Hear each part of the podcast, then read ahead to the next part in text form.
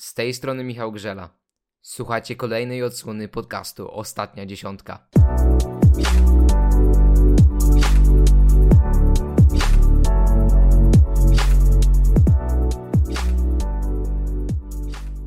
Za nami druga dekada XXI wieku. Podobnie jak pierwsze dziesięciolecie trwającego stulecia, okazała się ona niezwykle szczęśliwa dla polskich kibiców. Radość w kraju nad Wisłą była wypadkową dokonań skoczka, którego nikomu nie trzeba przedstawiać. Panie i panowie, Kamil Stoch.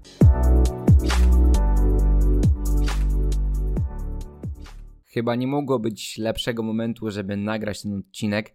Zakopane, czyli miejsce, w którym Kamil Stok wygrywał najwięcej razy w swojej karierze, bo aż 5, to przecież tak naprawdę miasto, w którym on się wychowywał jako skoczek, to miasto, które jest symbolem jego kariery. A o co dokładnie chodzi? Dziś porozmawiamy sobie o dekadzie Kamila Stocha, która przypadła na lata 2011-2020.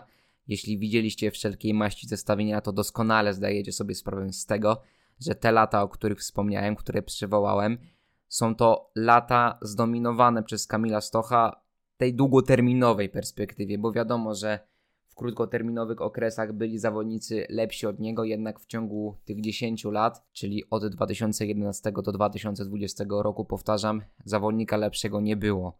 E, najwięcej sukcesów na arenie międzynarodowej, a także najwięcej zwycięstw w Pucharze Świata, bo aż 36 Tutaj mówię 36, dlatego że te trzy, które się przytrafiły w sezonie 2021, wszystkie już zapisaliśmy na rok 2021. No ale do tego oczywiście nawiązywać możemy. Od czego trzeba zacząć omawianie tej dekady Kamila Stocha?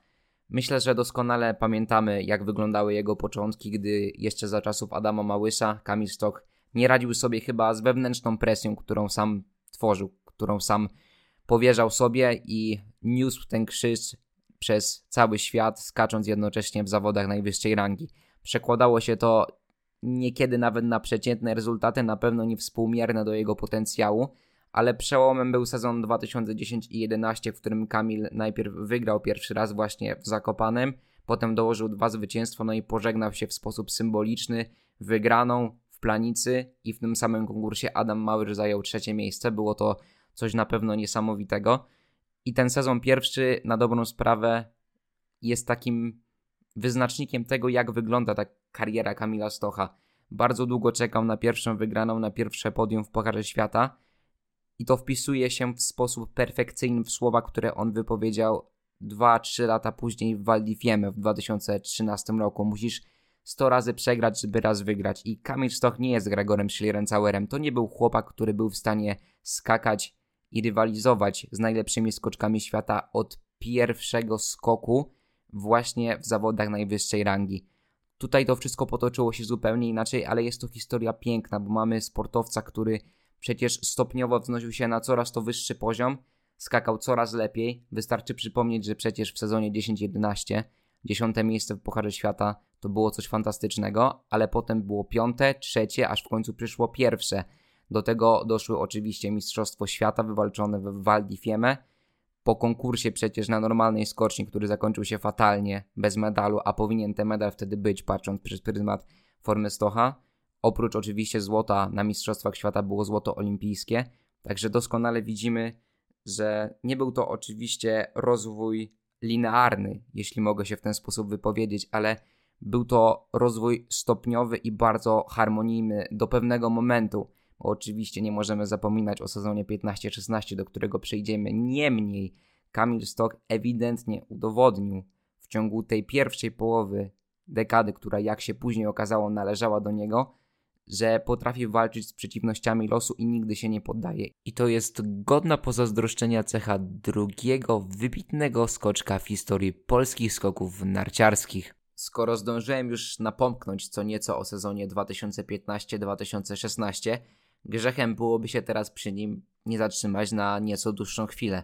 I jak doskonale pamiętacie, cała ta zima wspomniana przeze mnie była feralna przede wszystkim dla całych skoków narciarskich w Polsce, ale też dla samego Kamila Stocha. Kamil naprawdę wyglądał bardzo kiepsko, jeśli chodzi o jego formę.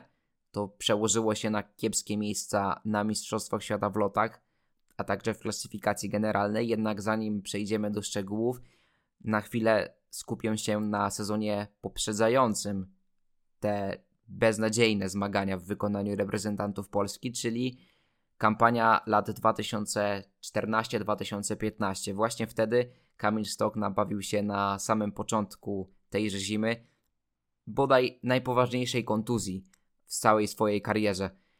Był problem ze stałem skokowym, który pojawił się podczas jednego z treningów w Klingenthal, a Klingenthal było areną inauguracyjną tamtego sezonu Pucharu Świata i Kamil powrócił dopiero na turniej czterech skoczni. Był to powrót na pewno w bardzo dobrym stylu. Czwarte miejsce w zawodach w Oberstdorfie naprawdę budziło podziw. Potem doszły na początku 2015 roku wygrane w Zakopanem oraz w Willingen.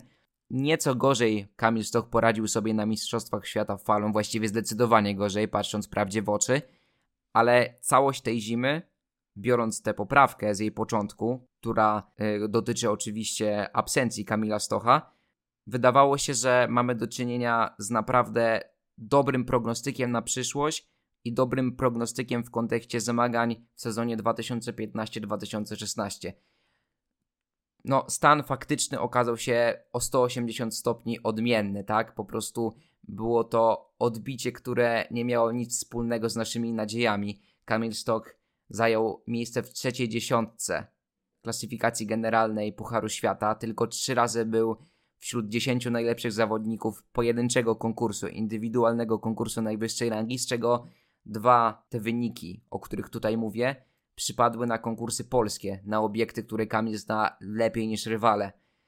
O czym jeszcze wypadałoby tutaj powiedzieć? No, Mistrzostwa Świata w lotach na Kulm i odpadnięcie w kwalifikacjach. Myślę, że najbardziej nieżenujący, ale moment, który na pewno sprawił, że Kamil poczuł się zażenowany tym, jak skoczył, był wściekły na siebie tam wtedy nie odpadało zbyt wielu zawodników, a mimo to Kamil pożegnał się z rywalizacją i nie mógł skakać w konkursie indywidualnym, który składał się koniec końców z trzech serii. Ale mimo tych wszystkich bolączek, które trapiły w tamtym okresie Kamila Stocha, on zdołał wyjść na prostą. I to na pewno jest cecha, która jest typowa dla wielkich mistrzów. Dlatego tutaj należą się brawa dla Kamila Stocha i ten sezon 2015-2016, choć był tak fatalny w perspektywie całej jego kariery, na pewno jest jej bardzo istotnym punktem. I może niejednemu rywalowi napsuć jeszcze naprawdę sporo krwi. Chcąc zachować jakikolwiek porządek chronologiczny, należałoby na dobre zostawić czasy Łukasza Kruczka jako trenera reprezentacji Polski i przejść do jego następców. I oczywiście w tej części podcastu porozmawiamy sobie o czasach Michala Doleżala i o czasach Stefana Horngachera. Natomiast to, co muszę podkreślić, to fakt, że o Kruczku zapominać nie można. W końcu to właśnie za jego kadencji Kamil Stok wywalczył kryształową kulę, zdobył jedyne jak do tej pory Mistrzostwo Świata i został podwójnym mistrzem olimpijskim, a przecież są to osiągnięcia z najwyższej półki. Jednak nie o samych osiągnięciach i nie o samych trenerach chciałbym rozmawiać. To, co muszę w tej chwili podkreślić, jeśli chodzi o dokonania Kamila Stocha, czy w ogóle jego sylwetkę jako skoczka narciarskiego, to elastyczność. Elastyczność we współpracy z różnymi szkoleniowcami, których warsztaty przecież są zupełnie odmienne. Każdy ma nieco inne podejście do spraw związanych ze skokami, a mimo to Kamil Stok zarówno przy Łukaszu Kruczku, przy Stefanie Horngacherze i przy Michale Doleżalu zdołał odnosić naprawdę imponujące sukcesy.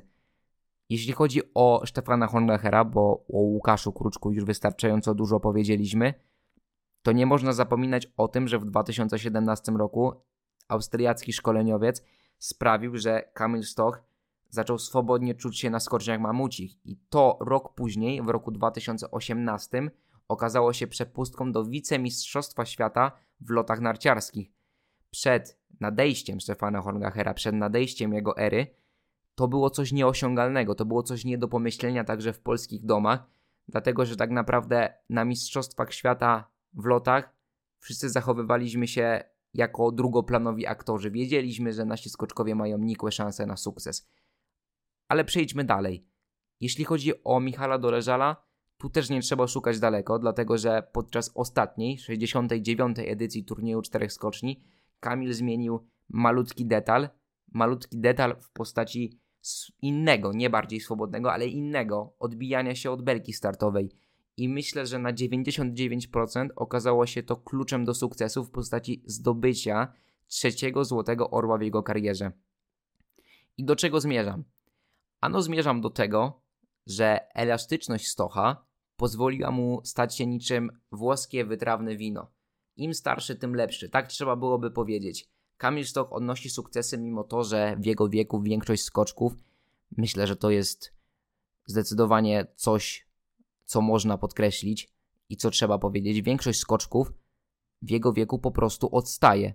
Jeździ na zawody tylko wtedy, kiedy w danej kadrze jest brak alternatywy. A tutaj mamy do czynienia z zawodnikiem, który nie dość, że jest w ścisłej światowej czołówce, to momentami potrafi wskoczyć na sam szczyt.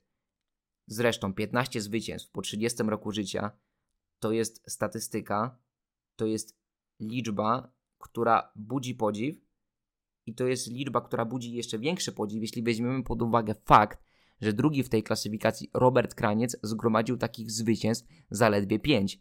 Do tego dołączmy kryształowa kula i złoto olimpijskie, zdobyte jako najstarszy zawodnik w historii i turniej czterech skoczni wywalczony jako drugi najstarszy skoczek w historii całej dyscypliny.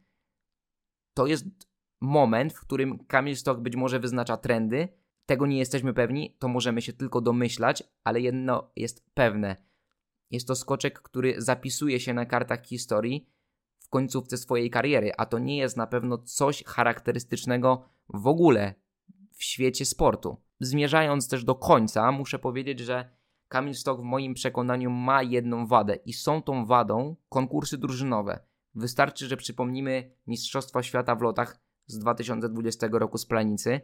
Naprawdę przeciętny konkurs w wykonaniu Kamila, zwłaszcza pierwsza seria, a takich konkursów w przeszłości było po prostu więcej. Jest to coś ciekawego do analizy dla kibica, dla zawodnika, a także dla psychologów, ale odetnijmy się od tego, odetnijmy się od tego, bo nie jest to też aż tak istotne, omawiając indywidualne osiągnięcia Kamila Stocha. O tym, co jest jego bolączką, wiemy, o tym, co jest jego zaletą, a raczej co jest jego zaletami, również wiemy.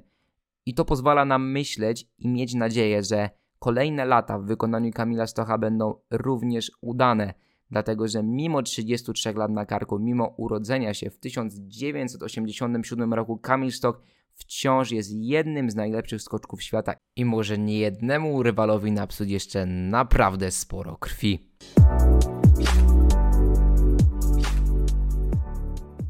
Zanim wciśniecie pauzę i na dobre wyłączycie ten odcinek ostatniej dziesiątki, zostańcie ze mną na dosłownie kilka sekund. Po pierwsze, bardzo dziękuję Wam za wysłuchanie tego podcastu. Nawet nie wiecie, jak wiele znaczy dla mnie fakt, że poświęciliście kilka minut na moją twórczość. Bardzo to doceniam i jednocześnie zachęcam Was do obserwowania tego podcastu za pośrednictwem platformy Spotify. Jest to możliwe poprzez kliknięcie przycisku follow, tudzież obserwuj w zależności od tego, jaką wersję językową preferujecie. To również jest bardzo motywujące dla mojej twórczości i wiedzcie, że naprawdę o Was pamiętam. Trzymajcie się, do usłyszenia w następnym tygodniu.